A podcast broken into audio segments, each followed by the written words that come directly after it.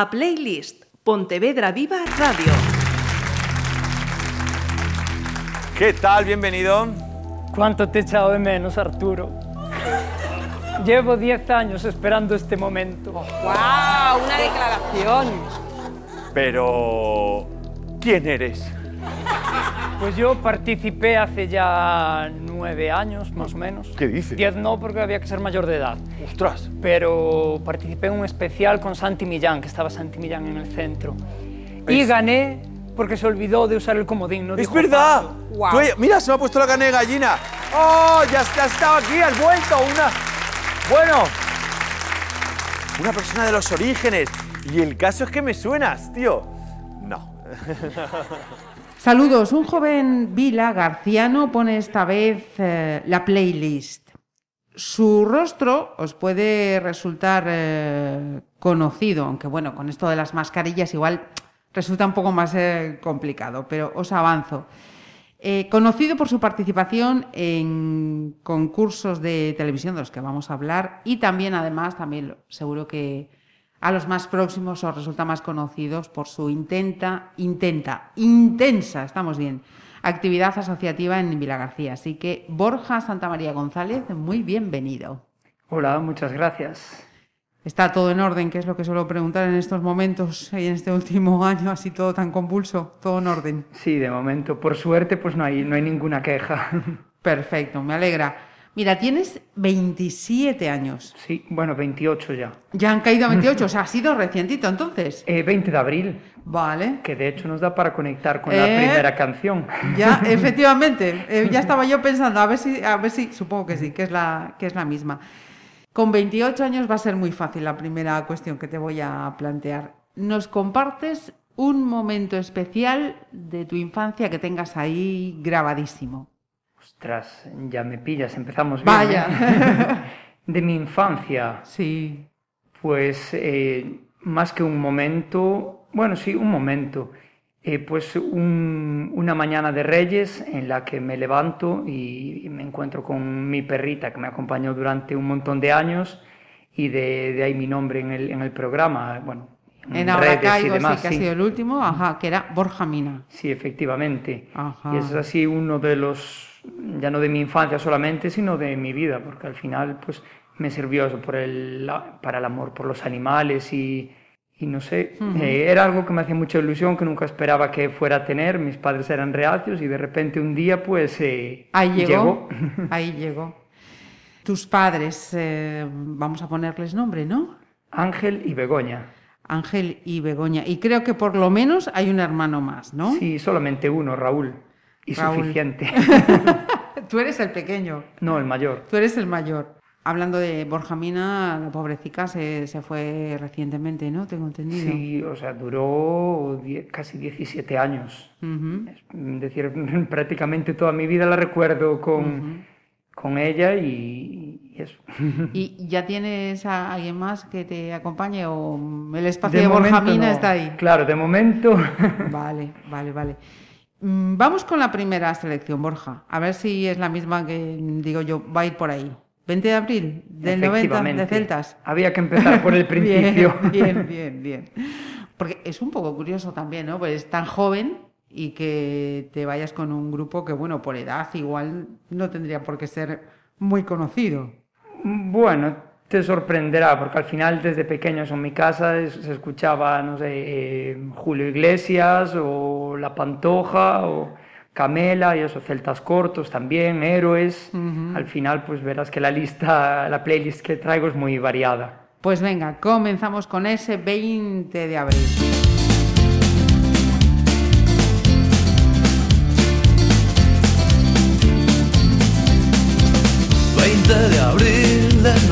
90. Hola chata, ¿cómo estás? Te sorprende que te escriba. Tanto tiempo es normal. Pues es que estaba aquí solo. Me había puesto a recordar. Me entró la melancolía y te tenía que hablar. ¿Recuerdas aquella noche en la cabaña del turmo? Las risas que nos hacíamos antes todos juntos. Hoy no queda casi nadie de los de antes. Y los que hay han cambiado.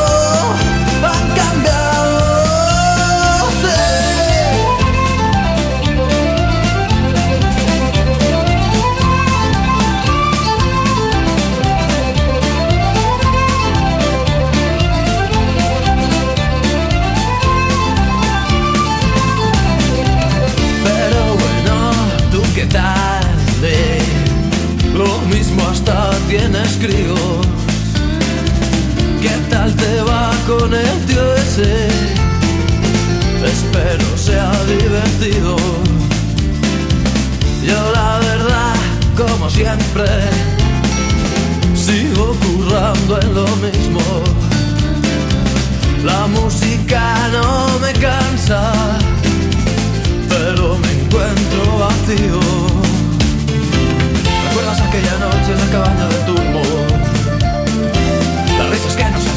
Hacíamos antes todos juntos. Hoy no queda casi nadie de los de antes. Y los que hay han cambiado,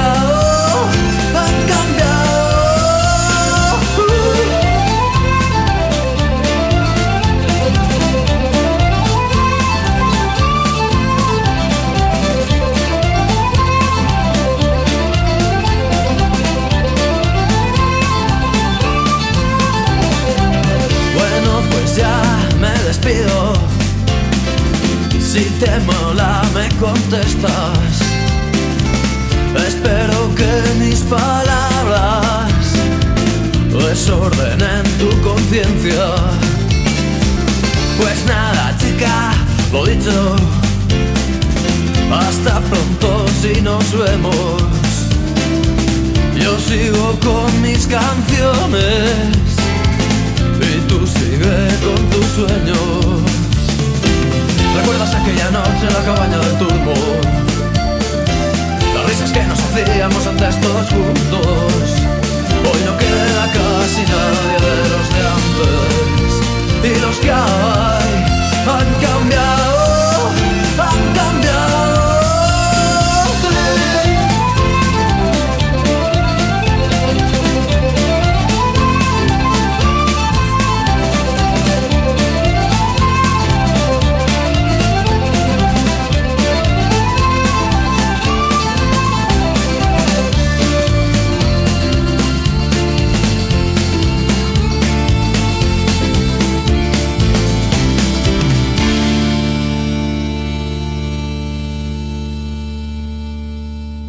Vamos a ir un poquito adelante en el tiempo. Nos ha dejado ese recuerdo de, una, de un día de reyes tan, tan importantes en, en la memoria de, de cualquier niño. Deberían ser, al menos. Borja, cuéntanos qué tienen que ver Málaga y, si no me equivoco, Marsella en tu formación académica. Madre mía, ¿eh? Estás al tanto de todo. Los deberes, había que hacer los deberes.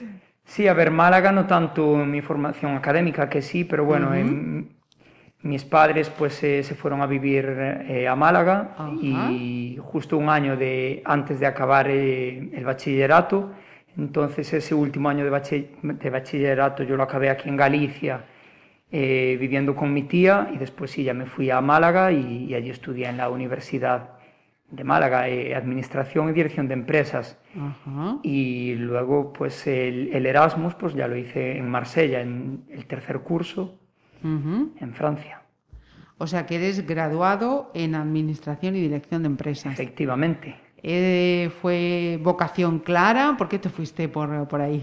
Que va, que va. Eh, uf, esto da para, da para mucho. No, yo de hecho hice el bachillerato tecnológico, porque me decían que es el que más salidas tiene y que así luego puedes elegir.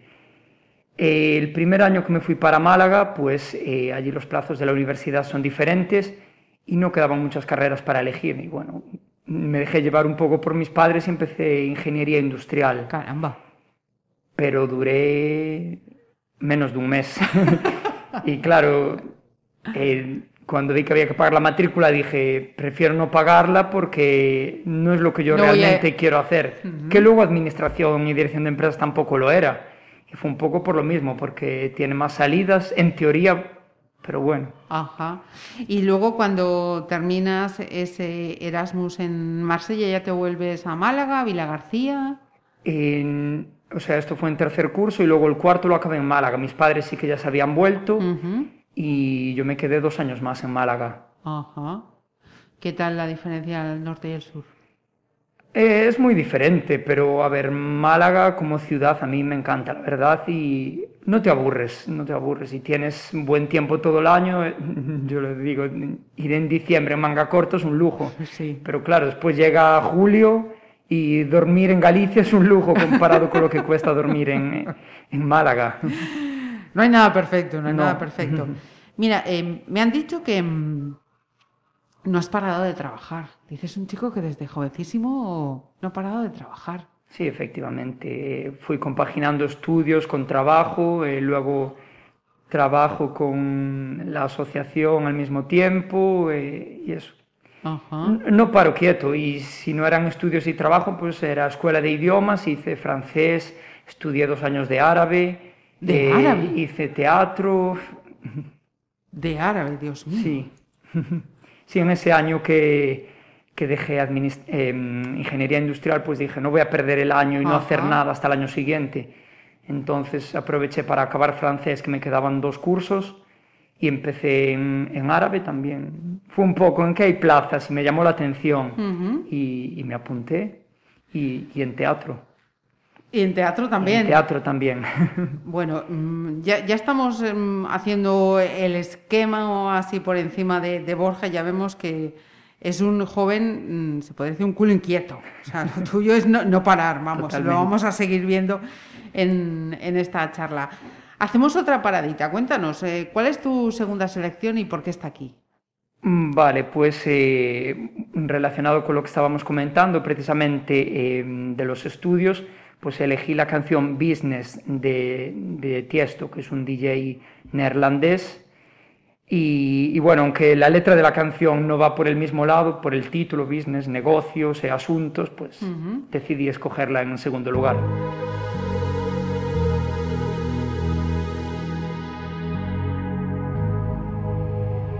Let's get down, let's get down to business. Give you one more night, one more night to get this. We've had a million, million nights just like this. So let's get down, let's get down to business. Mama, please don't worry about me. i I'm about to let my heart speak. My friends keep telling me to leave this. So let's get down, let's get down to business. Let's get down, let's get down to business. More night, one more night to get this. We've had a million, million nights just like this. So let's get down, let's get down to business. Let's get down, let's get down to business. Give you one more night, one more night to get this. We've had a million, million nights just like this. So let's get down, let's get down to business. Back and forth, back and forth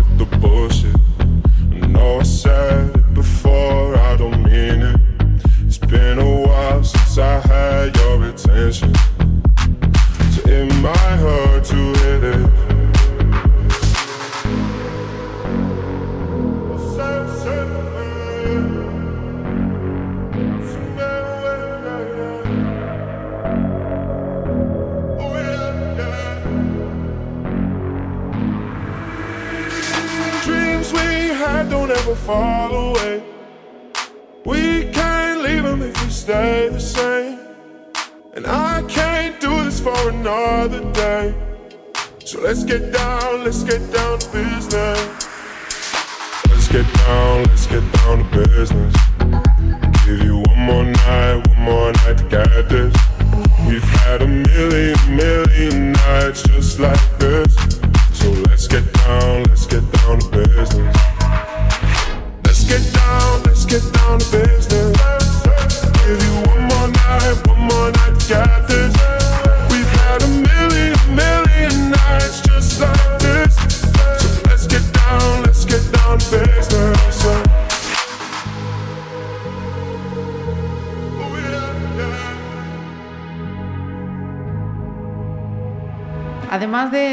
toda esta formación, de esa actividad laboral que desde joven estábamos comentando que, que lleva en su, en su mochila, Borja también es un joven implicado en la acción social a través del voluntariado. ¿Cómo, cómo empezaste? ¿Cómo te picó el gusanillo del vol- voluntariado, Borja?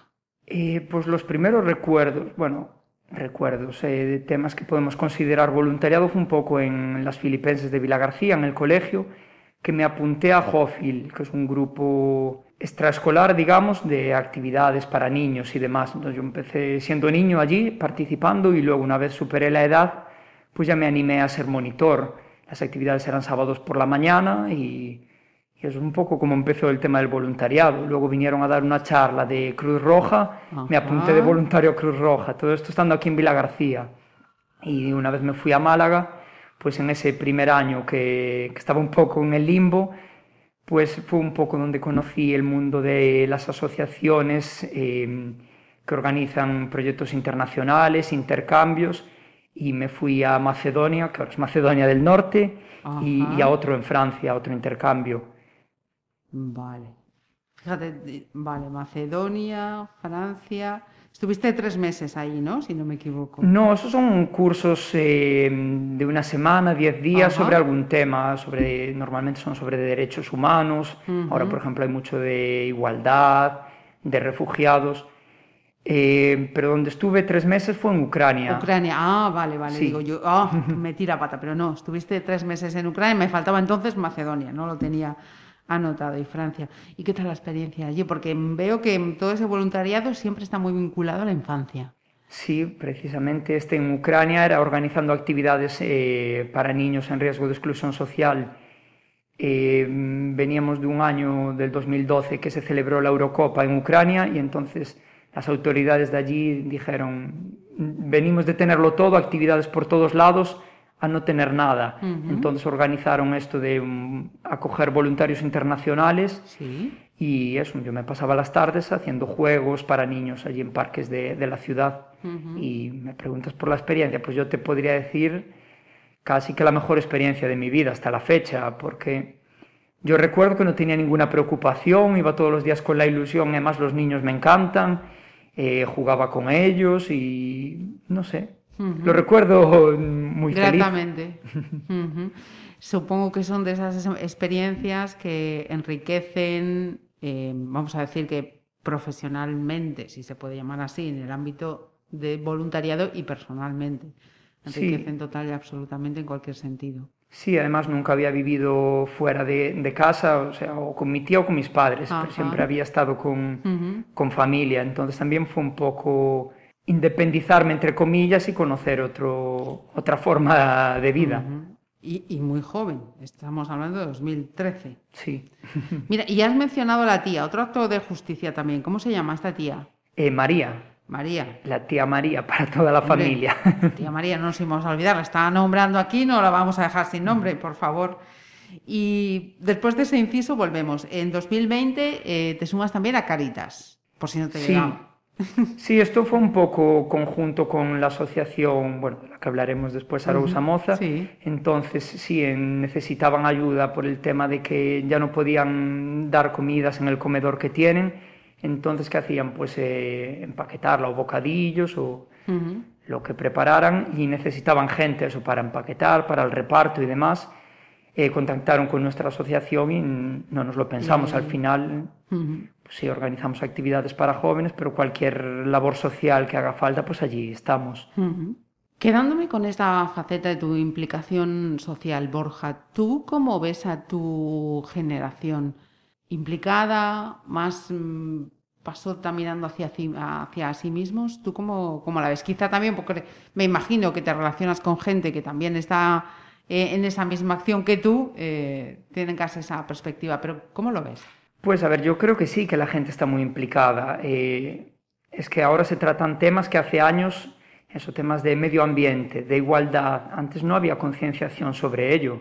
Eh, ¿Cuál es el problema? Que en los medios al final hacen más ruido temas de botellones, de vandalismo, pero al final eso es una minoría.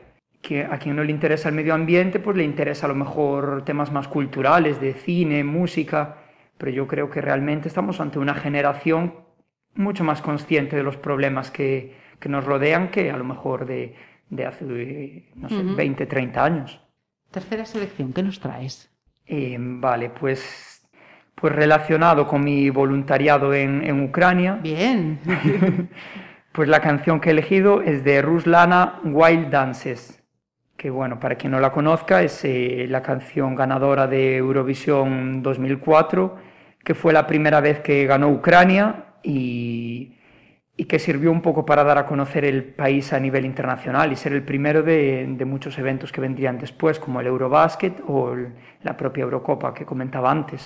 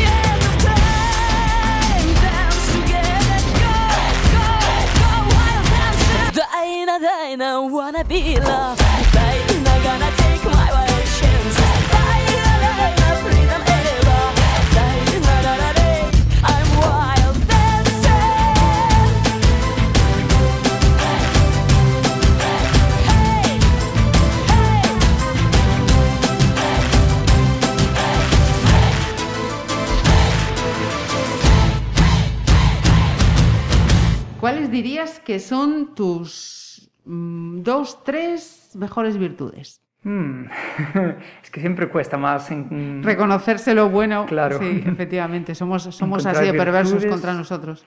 Pues eh, mm, yo diría que, que soy una persona muy activa porque eso, mm, sí me gusta descansar y tirarme en el sofá, pero Pero merecidamente. sí, pero me gusta sentirme útil sobre todo y saber que lo que estoy haciendo realmente vale la pena y que hay alguien que lo agradece.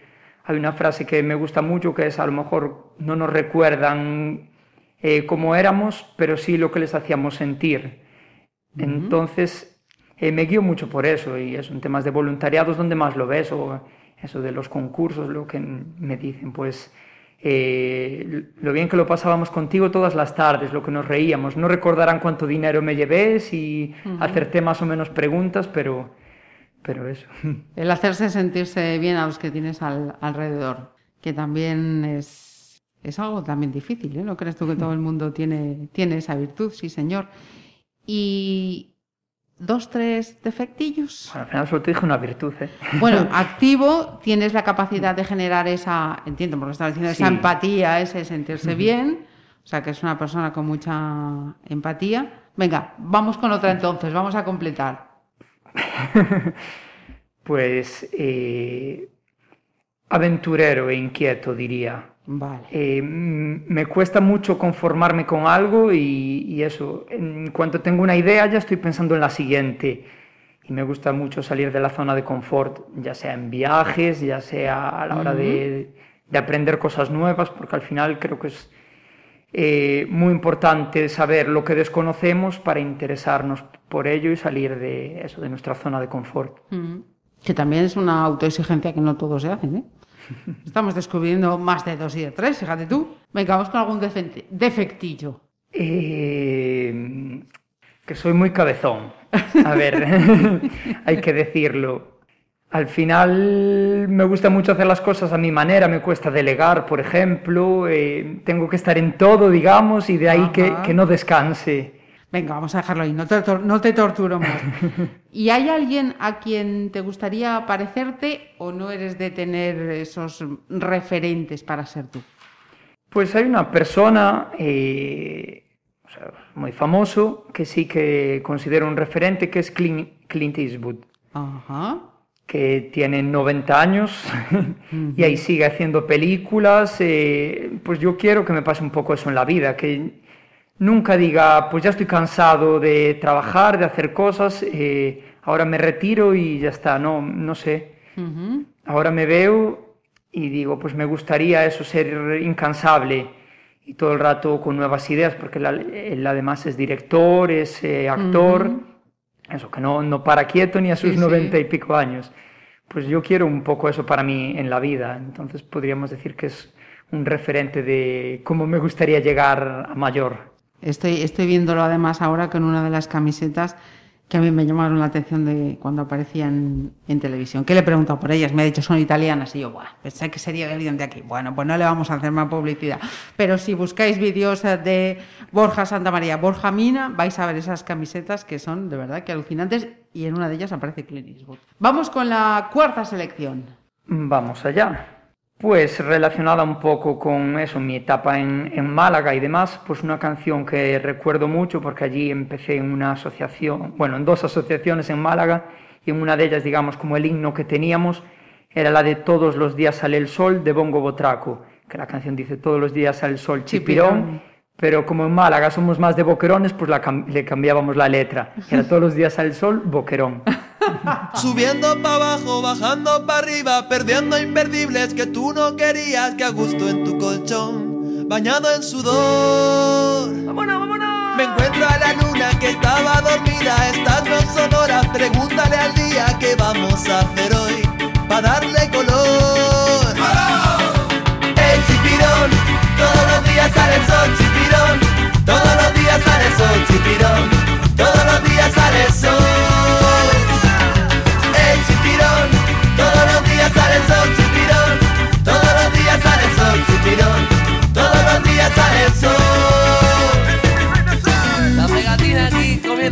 Con los bongos botracos, señores. Ajá. Otra tapita más. Soñando en tus bragas, perdiendo la vida, cruzando fronteras que no eran prohibidas, hagamos el amor, fluyamos tú y yo. Que noche más corta que nunca termina, que ganas de verte y comerte la vida y ya ha llegado el sol, chispilla y calor. Sale el sol, chipirón, todos los días sale el sol, chipirón, todos los días sale el sol. El chipirón, todos los días sale el sol, chipirón, todos los días sale el sol, chipirón, todos los días sale el sol.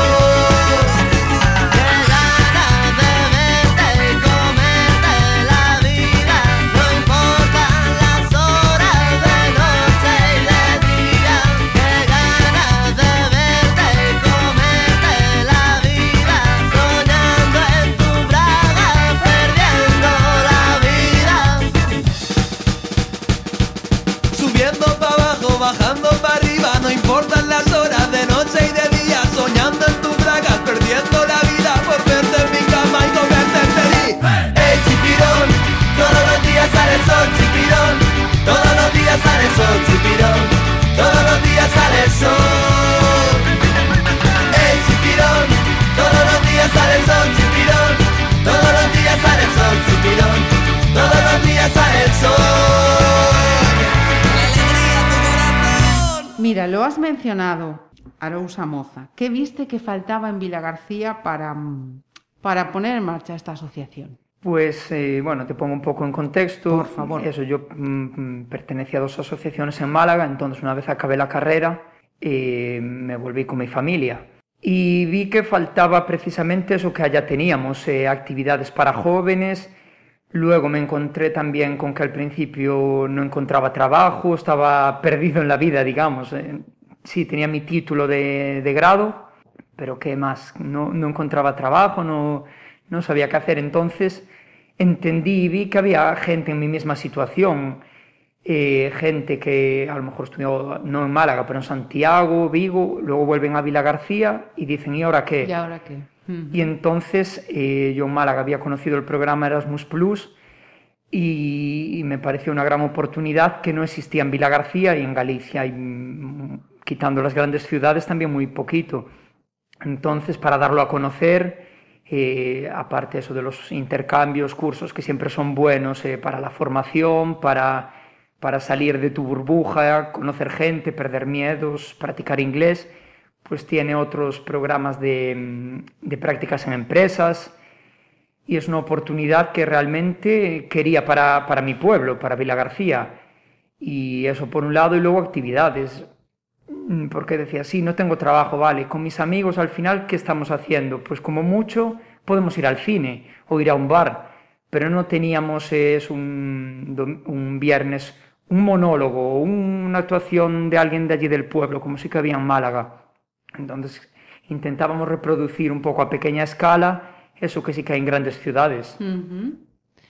Y con éxito, porque la asociación sigue, sigue ahí. Me decías ahora, después del parón este del año pasado, que cuidado, parón no, porque como nos decía, estuvisteis eh, ayudando ¿no? en esas ah, actuaciones, esas emergencias que se fueron planteando en esos momentos tan, tan complicados. Sí, no solamente de Cáritas, también nos llamaron del Concello, que tenían eh, la asistencia a personas mayores a domicilio para tirarles la basura, llevar medicamentos, la compra, y tampoco nos lo pensamos. Al final, eh, para lo que nos necesitan, pues eh, nos unimos. Hace poco hubo una familia que nos contactó que tienen a la abuela en Venezuela, bueno, falleció al final y la tenían que operar urgentemente porque tuvo un derrame cerebral. Entonces nos pidieron si podíamos organizar algo para recaudar fondos y no lo pensamos. Conseguimos que la operaran, pero bueno, desgraciadamente no superó la operación. Sabemos que allí no tienen la suerte que tenemos en España de, de un Ujú, una sistema sanitario, es. claro. Pues, eh, fija, ¿cuántos sois ahora en la asociación, Borja? Eh, a ver, en el grupo de WhatsApp, como digo yo, somos unos 40 o 50, pero Ajá. luego realmente los que estamos activos todas las semanas, unas 15, 20 personas, Ujú. que no está nada mal. Sí, sí, sí, no, no, desde luego. mm, Contar con, con esa actividad y el programa que, que haces no, no, no es sencillo. Borja, voy a leerte una frase que, mm, que te he leído a ti. La gente no sabe lo que quiere hasta que se lo muestras. ¿Esto es, es marketing o, o- o crees que es así? Es un poco de marketing, pero claro, al final eh, el marketing se puede emplear de muchas formas, Sin desde duda. venderte un producto que, que tú realmente no necesitas, pero por, market, por marketing te lo meten, eh, hasta eso, temas de, de asocia- asociacionismo, temas sociales. Hay muchos problemas en la, en la sociedad, pero si realmente no les das visibilidad, no los muestras, nadie va a hacer nada por ellos. Eh, yo lo veo con Cáritas. Eh, vemos a mucha gente en la calle. Cuando tú vas al súper, te están pidiendo la puerta, pues muchas veces ni te fijas, lo ignoras. Pero una vez te involucras, ves que es una persona como tú, que tiene un pasado, tiene un presente y quieres que tenga un futuro. Y realmente ves que con algo tan simple como acercarle un bocadillo, porque no puede ir al comedor social, pues eh, es, una, es una gran obra que estás haciendo y una gran ayuda para esta persona. Entonces, eh, con respecto a esta frase, pues lo mismo. Nosotros sí que hacemos muchas actividades en la asociación, muchos temas sociales, pero si luego no... Muchas veces hasta me da reparo de decir, pues hacemos una foto de esto que estamos haciendo, porque parece que lo hacemos de cara a la galería. Pero no, realmente lo que queremos hacer es mostrar a la gente que existe ese problema, que hay gente que, que está haciendo frente a ese problema y, y que estamos abiertos a que se una la gente. Si no lo mostráramos, pues realmente serviría, sí, porque estaríamos haciendo una buena obra, pero no Pero estaríamos... no muestras esta claro. realidad. Perfecto, Borja. Sexta selección. Vamos allá. Sexta no, quinta. Me iba yo a la sexta, Quinta. ¿no? Quinta, quinta. Vale, pues siguiendo un poco con los temas sociales, pues he elegido Moving de Macaco, que es una canción eso que invita a la acción, digamos. La, la- la- la ley universal de, de la locomoción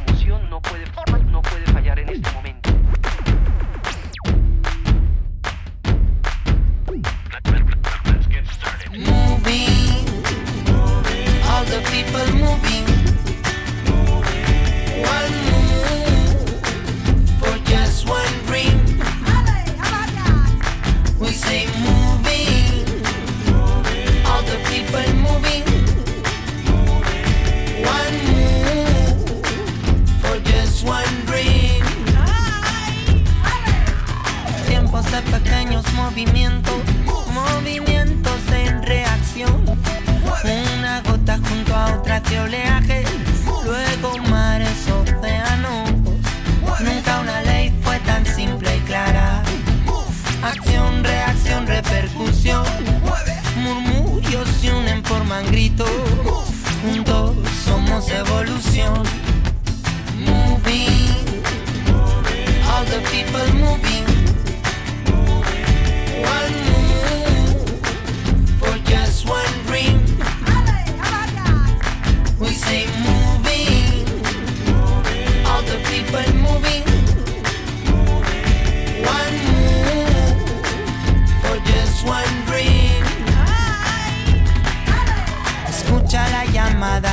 Mamá tierra, una de la creación.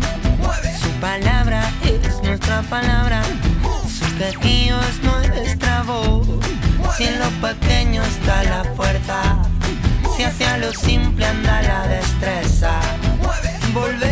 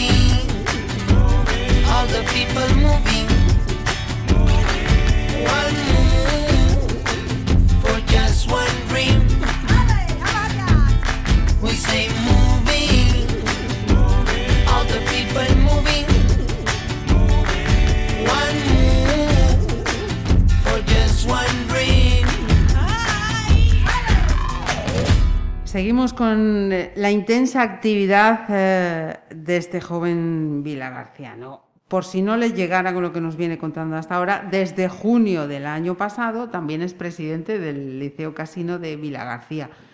Una entidad, Borja, a la que mm, o a cuyo rescate ya habíais salido antes de presentar vuestra candidatura. Cuéntanos. Sí, en el año 2000, que estamos en 2021, pues sería en 2019, Ujú. Pues conocimos la realidad del Liceo Casino, que es que durante los últimos años eh, la cantidad de socios fue cayendo en picado y que tenían unas instalaciones asombrosas en las que no realizaban ninguna actividad, que simplemente lo que hacían es una sala en la que, o sea, te- contaban con una sala en la que jugaban allí a las cartas, se reunían por las tardes y poco más. Entonces el techo se caía a cachos, eh, los muebles pues tenían unos años y decidimos salir al, al rescate. eh, eso, nos pusimos a pintar, a, a hacer bricolaje, lo que pudimos, apre- aprendiendo a la vez que, que íbamos eh, restaurando todo Ajá. y, y a organizar actividades y a darle vida de nuevo. Eh, sirvió para que el Concello conociera de la existencia del edificio que finalmente acabó comprando. que al final algo que queríamos hacer bueno se nos está viniendo un poco en contra, porque ahora que conseguimos un espacio donde realizar actividades para jóvenes y demás, pues ahora nos quieren echar de allí. ¿Cómo? Sí, así es. Nos enteramos en febrero por prensa que quieren mover la biblioteca a, a la sede del Liceo Casino. Entonces, lo que en un principio nos pareció que lo compraban para hacer el favor Para a la sociedad, que no fuera en quiebra y realmente que nos dejaran continuar con nuestra labor, pues nos enteramos por prensa que no, que no, que no es así. ¿Y cómo está la situación a pie de junio? Pues eh, contrataron a un estudio de arquitectos que elaboren el proyecto. Eh, yo hablé con el alcalde de Vila García a ver si tenían algo pensado para nosotros, alguna alternativa. Y su respuesta fue asociaciones hubo siempre, las hay y las habrá, y no tenemos espacio para, para todas. Entonces, claro, a ver, digo, vale, hay más asociaciones, si hay de mujeres rurales, asociaciones culturales y demás, pero realmente no hay ninguna de jóvenes, no hay eso que, que no había antes en Vila García, si no lo hacemos nosotros nadie lo hace. Hay, hay concellos que llevan el programa Erasmus Plus, el tema de becas Gale Europa de hacer prácticas en el extranjero. En el caso de Vila García no es así, si no lo hacemos nosotros no lo hace nadie. Y realmente a mí me da mucha tristeza pensar que algo que llevamos construyendo cuatro años, que sea nuestro propio ayuntamiento el que, el que nos lo vaya a echar por tierra. Que no lo digo como nada político, de Sí, hecho, sí. nosotros eso, nos llamaron, colaboramos siempre con ellos. Eh, la toma de las uvas que se hace el 31 por la mañana Sí. en Vila García, eh, nos llaman, nosotros eh, empaquetamos uvas, hacemos el reparto y demás. Y cualquier actividad, estamos más que encantados de colaborar. Pero nos encontramos con, con que no nos dan otra opción y, y de momento seguimos ahí hasta que quieran, porque tampoco tenemos ninguna comunicación oficial. Lo que sabemos es por prensa. Me acabas de dejar. Así estamos nosotros, sobre todo con esa incertidumbre, porque bueno, eh, eh, firmamos un convenio hace año y medio con una organización turca para traer voluntarios turcos que hagan ludotecas para niños, eh, tándems de idiomas y demás. Y claro, ahora mismo si no tenemos un espacio, pues por ejemplo esto ya no lo podemos llevar a cabo. Proyectos internacionales que teníamos que, que realizar en 2020, que fuimos aplazando, tenemos cinco pendientes, tampoco sabemos qué va a pasar con ellos. Tenemos eh, ofrecimientos por parte de Vilanova para hacerlo en el camping de las Sinas o, o del Concello de Estrada. Claro, pero sería una pena que siendo una entidad de, de Vila García, que estás ahí trabajando, que os tengáis que ir Efectivamente. fuera, ¿no? Y ya no solo eso, las actividades que hacemos semanales, Claro, eh, viernes claro. y sábados hacemos bingo social para la tercera edad, eh, hacemos un trivial los viernes por la noche, torneos de futbolín, de ping-pong. Entonces ya es eso, es no tenemos dónde realizar las actividades y por otro lado dónde meter todo, porque en estos cuatro años eso, eh, montamos sillones con palés, eh, tenemos mesa de ping-pong, futbolines, diana, televisor con consola.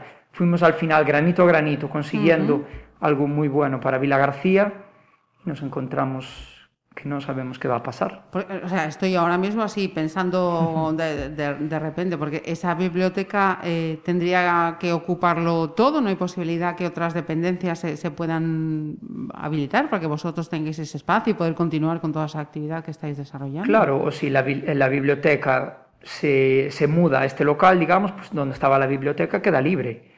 Pero lo que eh, dijo el alcalde es que tienen otros planes para, para ese espacio y que, que no son compatibles con nosotros. Incluso compraron ahora otra casa abandonada que también quieren destinarla a la tercera edad. Pero para los jóvenes parece al final que, que nada. O sea, mucho quejarse eso de temas de botellones, de tal, pero al final nosotros que hacemos actividades de ocio saludable, sa- eh, viernes y sábados por la noche, pues no nos están dejando opción. No, es que no tenemos, nos dicen, si queréis eh, hacer algo concreto, un espacio del auditorio, pero con un, con un horario que es de lunes a viernes hasta las 9 de la noche. Eh, el ocio juvenil es o el fin de semana o, o Ujú. por las noches.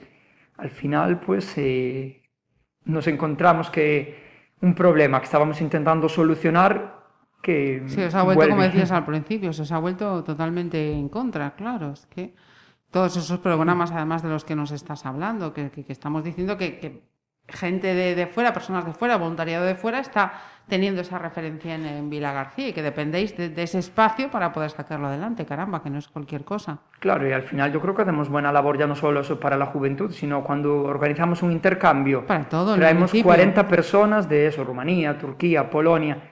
¿Qué hacen? Se alojan en la ciudad, comen en la ciudad, hacen gasto en la ciudad. Yo creo que es algo muy positivo. Sin duda. Y bueno, teníamos mucha- muchos planes más, pero entre la pandemia y ahora que tenemos la incertidumbre, porque bueno, a, ra- a raíz de ahora caigo, pues eh, sirvió también para, porque ahí sí que comenté la causa, Arturo se involucró mucho, luego lo repitió durante los programas, y sí que sirvió para que gente famosa eh, se haya interesado y decirnos, pues hago un espectáculo de magia gratuito, o un monólogo, o, o un acústico.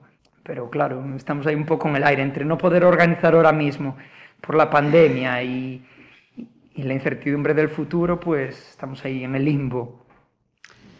Bueno, esperemos, pongamos esa, esa nota de, de positivismo y esperemos que, que la cosa se, se reconduzca y tenga, y tenga un, buen, un buen final. Vamos, me parecería injusto lo, lo contrario después de todo lo que nos estás contando. Vamos a ponerle un poquito de música, a ver si... Sexta selección. Mm, Vale, pues no sé si ahora vamos a empezar a hablar ya de los concursos y tal. Eh, sí, sí, sí, está ahí, está ahí. Pues entonces eh, la siguiente canción que vamos a poner es La oreja de Van Gogh, Cuéntame al oído. Y ahora te cuento el porqué de esta canción.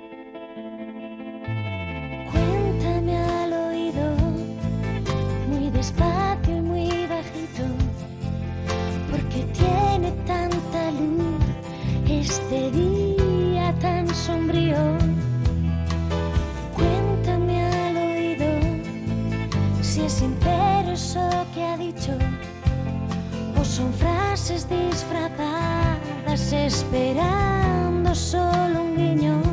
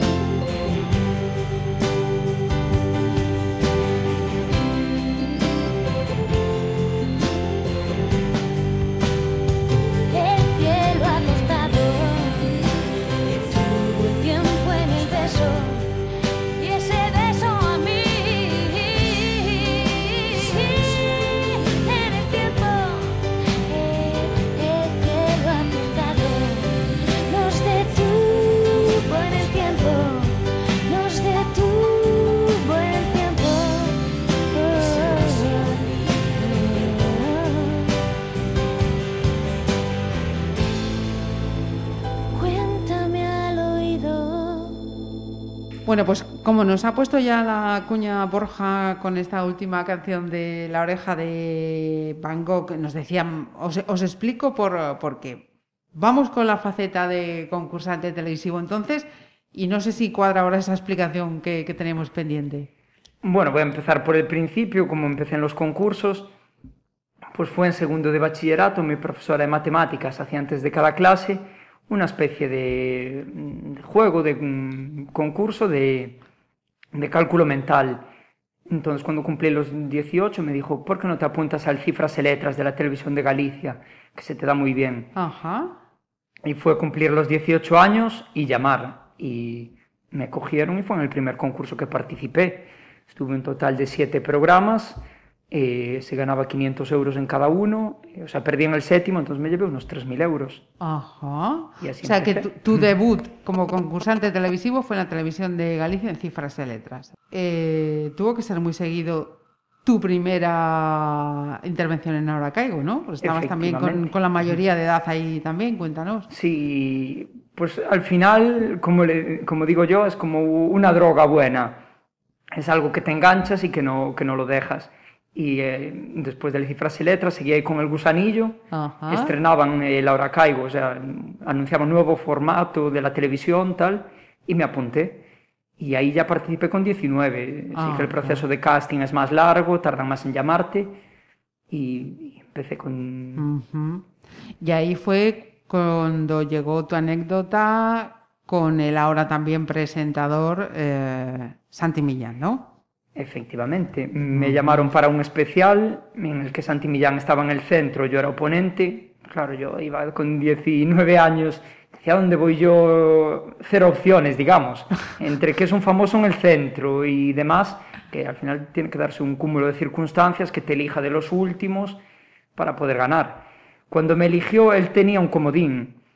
Y claro, si no dices paso antes de los 30 segundos, pues pierdes aunque tengas comodín. Y se olvidó de utilizar el comodín. Ajá. Y era precisamente con esa canción que sonaba antes de La oreja de Van Gogh, que era, mm, o sea, la pregunta era continuar la letra de la canción.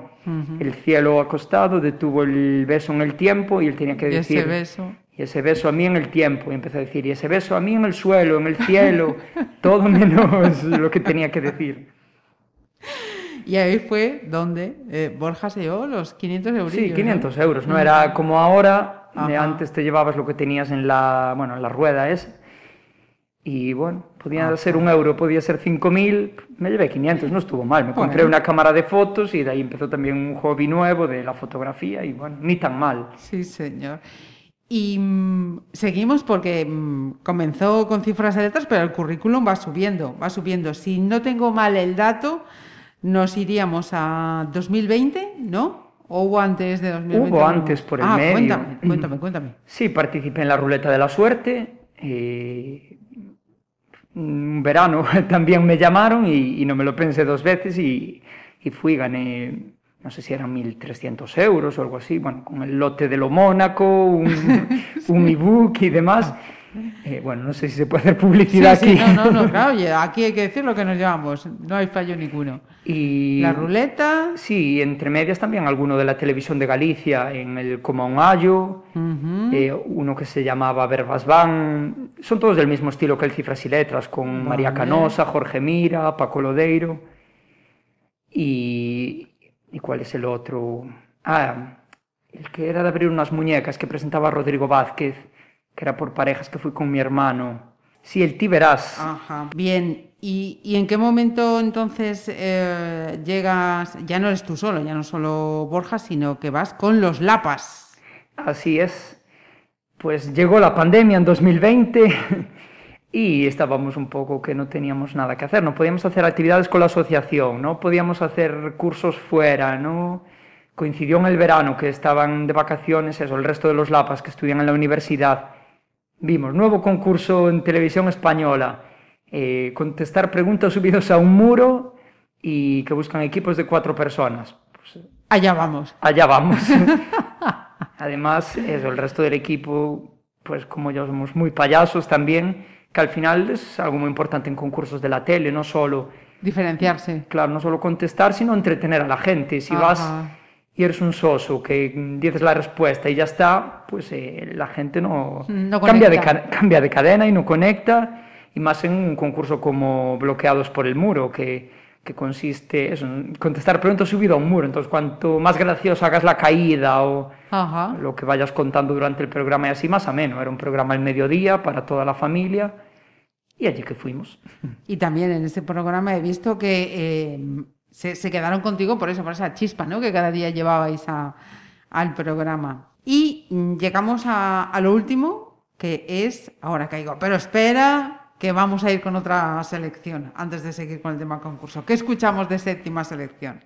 Pues relacionado con Bloqueados por el Muro, la canción no podía ser otra que The Best de Tina Turner. Qué bueno. porque podríamos haber perdido en el cuarto o quinto programa, pero a Bruno, miembro de los Lapas, le vino la inspiración, dijo Tina Turner en el último segundo, ganamos ese programa, porque si, si no lo sacábamos caíamos ya del muro, ya perdíamos, le vino la inspiración y al final estuvimos 19 programas, el récord, hasta que lo cancelaron. Ajá. Va de récords, ¿eh? Atentos que no va a ser el único.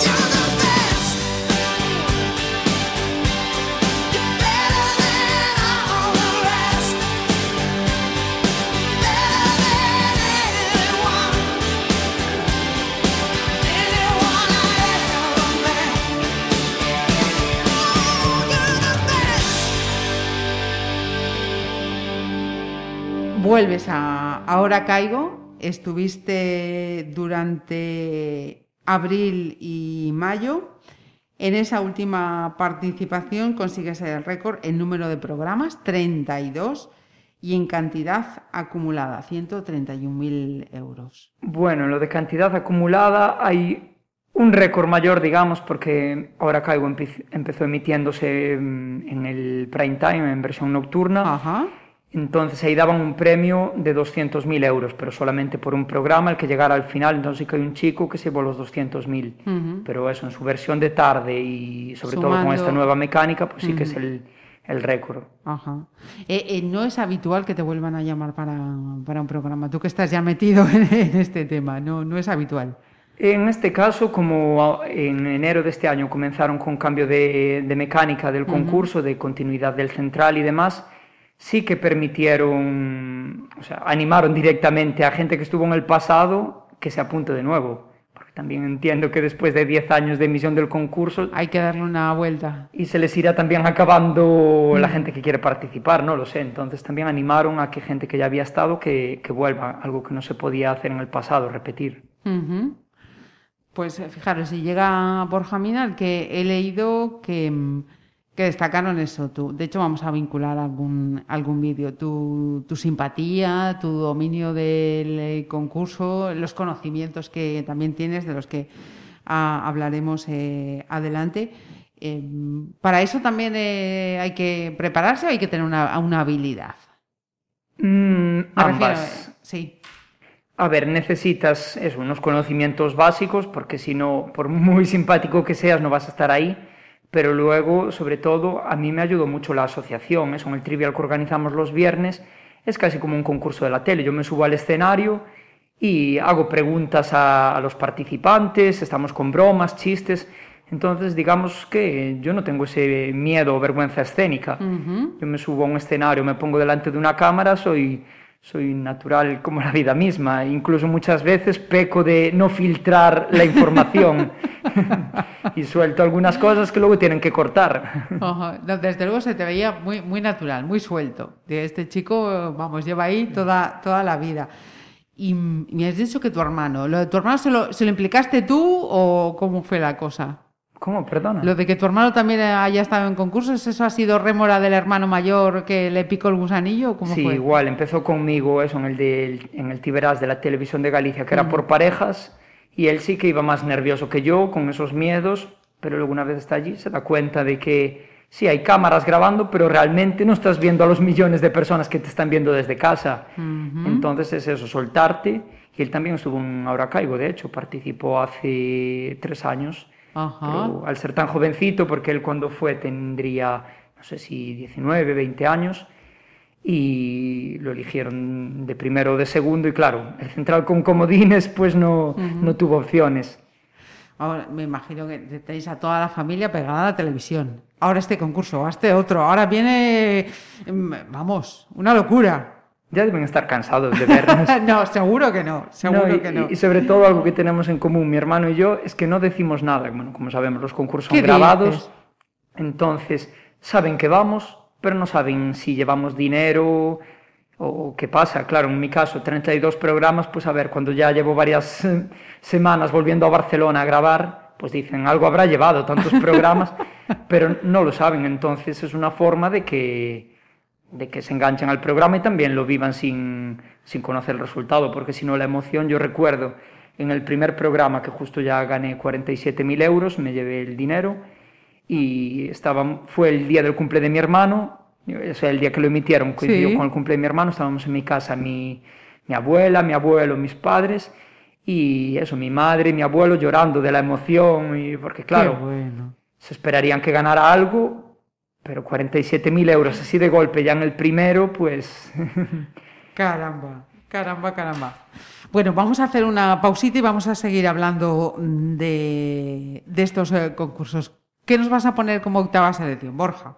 Mm, Vale, pues eh, relacionándolo con mi primer programa de Ahora Caigo, en el que me llevé el dinero acumulado, esos 47.000 euros, pues una de las eh, preguntas finales, y la más complicada creo yo de esas 10 últimas, era em, quién es el intérprete de Maniac, la canción de Flashdance, Ajá. que era Michael Sembello la respuesta, sí. y he elegido esa canción.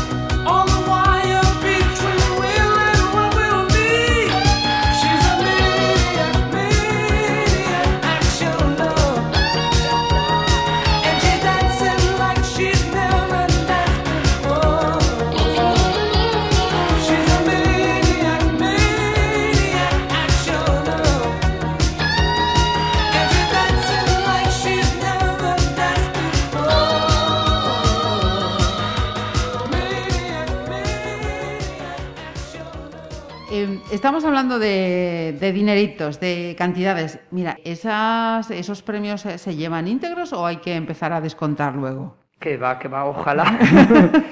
no, por ejemplo, en el. Bueno, ya te retienen una vez te lo ingresan, que bueno, esa es otra, no te lo ingresan al momento, tienen que pasar meses porque hay. O sea, firmas un contrato en el que no puedes participar en otros eh, programas eh, al cabo de tantos meses. Entonces, hasta que no pase ese periodo, no te pagan. Eso una. Yo de momento estoy aquí sin cobrar. Eh, pero eso, luego viene el tema de Hacienda. Ya cuando te lo ingresan te retienen, no sé si es un 19 o creo que es un 19 o un 21, creo que es 19. Pero después en la declaración del Vale. año que viene, en mi caso es hasta el 47% que me, Hasta que el me quita Hacienda. 47%. Sí, digamos que me queda la mitad de- del premio. Eso, eso cuando os presentáis a los concursos no lo sabéis, ¿no? A ver, eh, lo sabes de algo que lees por ahí, de, no sé, los lobos se llevan el bote en boom, pero realmente les queda tanto. Pero claro, tú vas a un concurso, tampoco te esperas llevarte más de, bueno, no sé, es que va por tramos, entonces no sé cuándo empieza el 47%. Ujú. Entonces yo sé que me van a quitar eso, el 19%, y luego sí que te llevas un poco la sorpresa. Pero bueno, a ver, es un dinero con el que no contabas y... Sí, bueno, no contabas, pero- pero ahora lo vamos a ver para el que también te has estado preparando. Cuidado, que esto no viene regalado, me refiero que no es llegar y empezar. No, no, cuidadito, que le vamos a preguntar también cómo... cómo... No, directamente, ya voy. Efectivamente, tú te tienes que preparar. Tú estás estudiando, chapando, preparándote para, para estar a la altura. Cuéntanos todo, todo ese tiempo que, que también supone para, para un concursante. Claro, a ver, alguien que se quiera preparar para un concurso de cero, pues es muy complicado realmente, porque ¿por dónde empiezas? si vas a pasapalabra, sí, empiezas por el diccionario, pero al final pues tienes deporte, cine, historia, literatura. Necesitas un, un bagaje cultural que al final te lo da la experiencia. En mi caso, por ejemplo, yo siempre digo que es la curiosidad.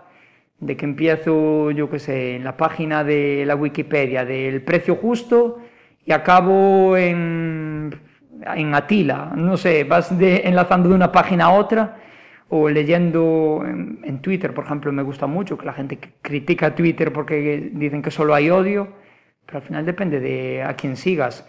Yo sigo gente que hace hilos súper interesantes o, por ejemplo, publican cada mañana, tal día como hoy, hace de 200 años sucedió tal cosa y me meto a, a investigar sobre ese tema. Entonces, digamos que yo me preparo así los concursos, no sé, por ejemplo, en el caso de Ahora Caigo, que hay una prueba que es de continúa la canción, que ponen muchas actuales, pues, todo el día escuchando listas de Spotify de reggaetón, por ejemplo, que es en lo que más en lo que más eh, flaqueo, eso, bu- buscas tus temas en los que eres más débil, en mi caso era el arte, por ejemplo, la literatura, y sí que te preparas más esos temas, pero bueno, al final un programa de cultura general, si no llevas un- una base, pues por mucho Sí, que te nada, ca- prepares, caes, caes enseguida, caes enseguida. o a lo mejor sabes mucho y te toca una canción de reggaetón y te vas al hoyo.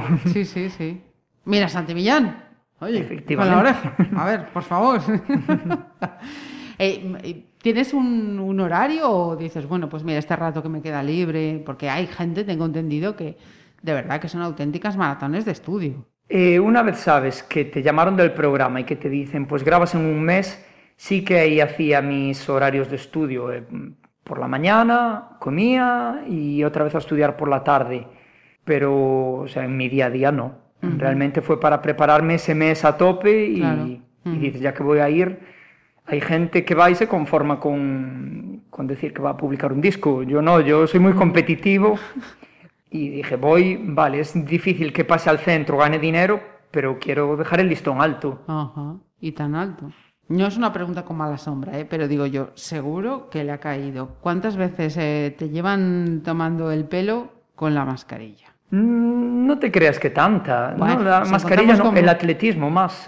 Sí. Eh, bueno, no sé si sabes. No, hubo no, no, una- lo del atletismo ahí me pillas. Hubo un duelo final, mm, pues como a mediados de mi participación, no sé si sobre el programa 15 o así, que era en qué deporte destaca María Vicente. Claro, eso acerté las más complicadas de esas 10 finales y me quedó el atletismo, porque venían las letras que salían era la L y empecé a decir de todo, alpinismo, ciclismo, de todo menos atletismo, porque pensaba en vez de atletismo en pruebas de atletismo, maratón, salto, no en el deporte que engloba todo. Y por esa respuesta eran 27.000 euros más. Y además tengo un amigo que es árbitro de, de atletismo y lo tengo encima todos los días, atletismo, tal. o- es lo que más me recuerda. La mascarilla no tanto, porque bueno, perdí por no decir mascarilla, pero más que por esa respuesta yo creo que perdí por el cansancio acumulado Sí. porque al final se graban cuatro programas por día, eh, estás allí desde primera hora de la mañana hasta las nueve de la noche, eso, con pruebas COVID, maquillaje, peluquería, cambio de vestuario, luego allí que en el concurso estás tenso, porque aunque a unos le afecta más los nervios que a otros, eh, la tensión siempre la tienes. Y sobre todo, cuantos más programas vas acumulando, como que mayor es la responsabilidad. Claro, claro. Eso que dicen, de cuanto más subes, más duele la caída. Y, y yo recuerdo ya, ya no solo con mascarillas, sino respuestas eh, en preguntas anteriores que me costaba sacarlas o lo que antes, sin saber la respuesta, sacaba combinando letras y demás, ya no pensaba igual o tardaba en vez de 5, 20 segundos. o- Fue más por cansancio. Luego la vi en Cansancio, casa y dije la mascarilla, sí, se veía bastante bien. Pero Claro, pero lo que no se sabe son lo que nos acaba de decir ahora Borja, todas esas horas que lleva acumulada y pregunta y pregunta y entra y sale y tal, tal. Y además, en, es- en el caso del programa en el que perdí, era el cuarto del segundo día, o sea, llevaba en dos días eh, ocho programas. y bueno, ya en los anteriores ya veía que perdía los comodines pronto y ya estás también un poco negativo del final ya está más cerca de lo que piensas y Caray, bueno. caray. La cara de la televisión que no se ve y, y que no es tan amable como, como a veces vemos, vemos delante. Claro, en la en el tele sofá. parece que estamos frescos, eh, vestuario nuevo, peinado nuevo, pero en realidad Tuviste 10 segundos para, para descansar, que no es ni descanso, es cambio de ropa, es retoque maquillaje y vuelta a grabar otra, vez. Pues es lo que hay. Vamos con la novena selección, Borja. Pues en este caso la canción elegida es Get Lucky de Daft Punk.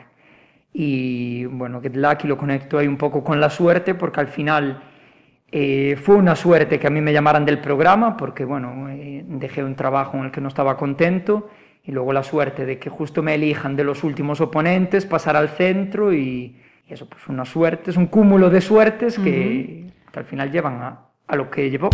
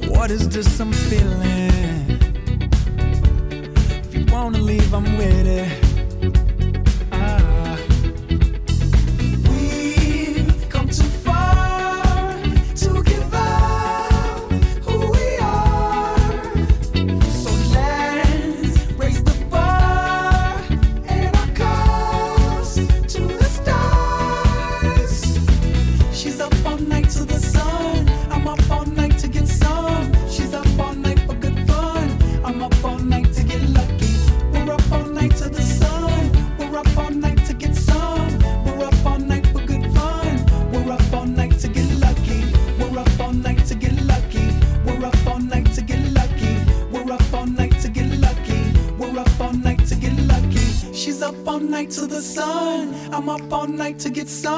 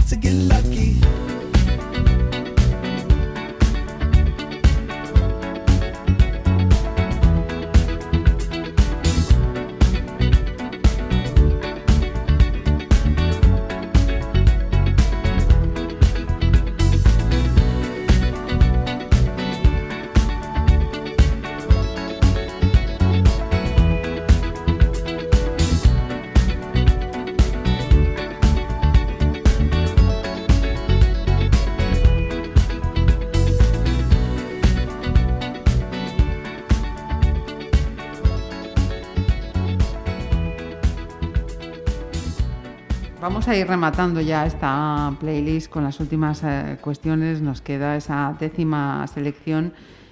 Y mm, preguntarte, tus planes a corto plazo, ¿por dónde pasan, Borja? Eso me pregunto yo cada día. Pero bueno, llevo improvisando toda mi vida, podría decir. Lo que te decía, empecé ingeniería, pues al final lo dejé. No sabía en qué meterme. Me metí en administración y dirección de empresas. Pero son decisiones que voy tomando sobre la marcha.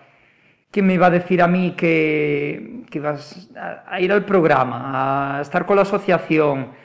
No sé, ahora mismo tampoco me planteo nada, así que tengo esa suerte de un colchón ahí del, que me da el premio, de decir, pues puedo planteármelo y realmente decidir a, a qué dedicarme, porque no sé, eso te comentaba, estaba en una empresa en la que no estaba nada contento, pero Ajá. necesitaba el dinero para casa, entonces no me quedaba otra que, trabajar. sí, sí, sí. Pero claro, no es lo mismo hacer lo que te gusta, ir feliz todos los días, que ir ya de malas y volver a casa de malas, que al final no quieres ni... Ujú.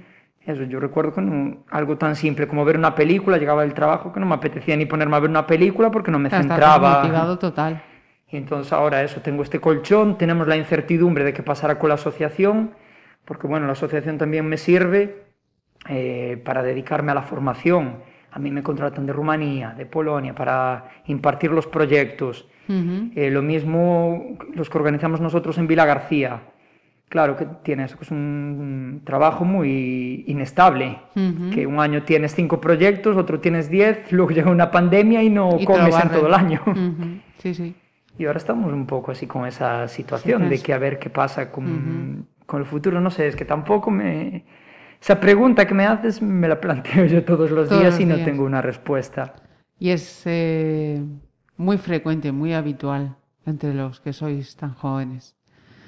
Eh, ¿Se incluye, por ejemplo, seguir eh, yendo a más concursos o has dicho, bueno, venga, te necesito una pausa? Sí, claro, es, eh, eso sigue estando ahí. Es algo que me planteo. O sea, los concursos yo creo que no lo voy a dejar en la vida. Al final es algo que empecé, que me encanta, que luego me veo en la tele. Al principio era algo que me horrorizaba verme, decía. Me sacaba todos los defectos, o decía, qué soso, qué cara estás poniendo ahí, o lo que sea. Ahora no, ahora me veo y me gusta. Y el- lo que me llega de la gente también es todo muy positivo. Entonces, sí.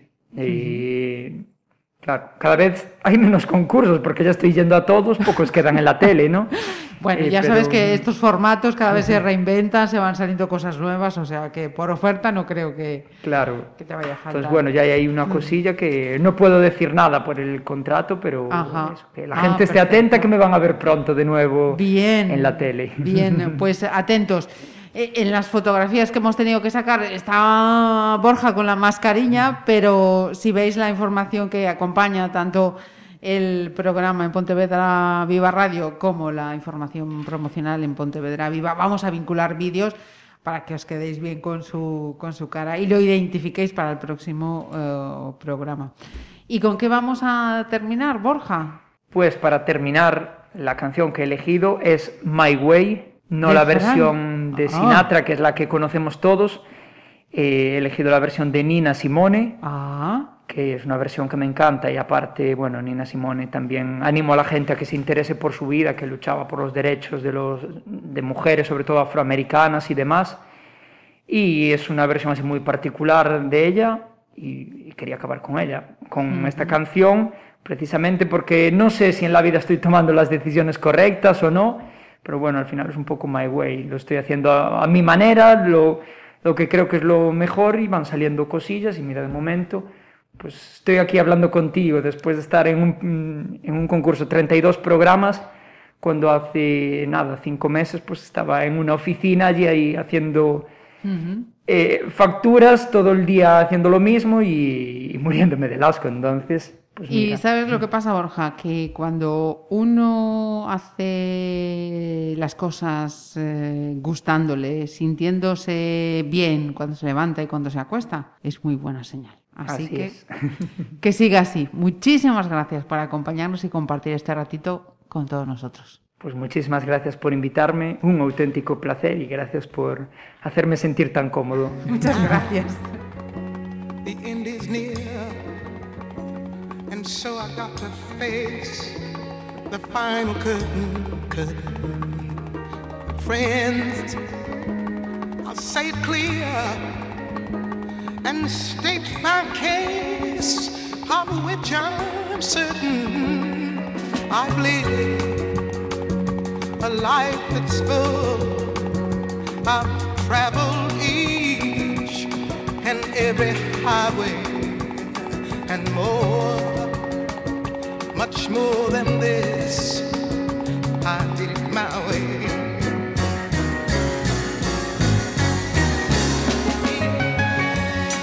Yes, regrets. I've had a few, but then again, too few to mention. I did what I had to do and saw it through without exemption. I planned each charted course, each careful footstep along the byway. Yeah, oh, much more than this. I did it my way. Yes, there were times I'm sure you knew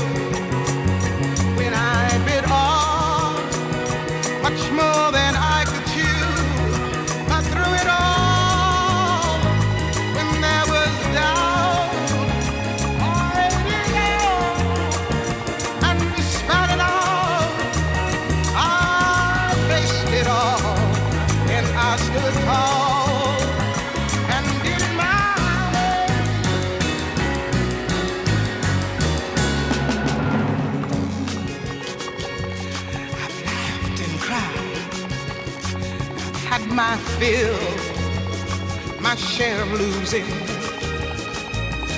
Now, tears subside, find it all so amusing to think I did all that, and may I say, not in a sly way.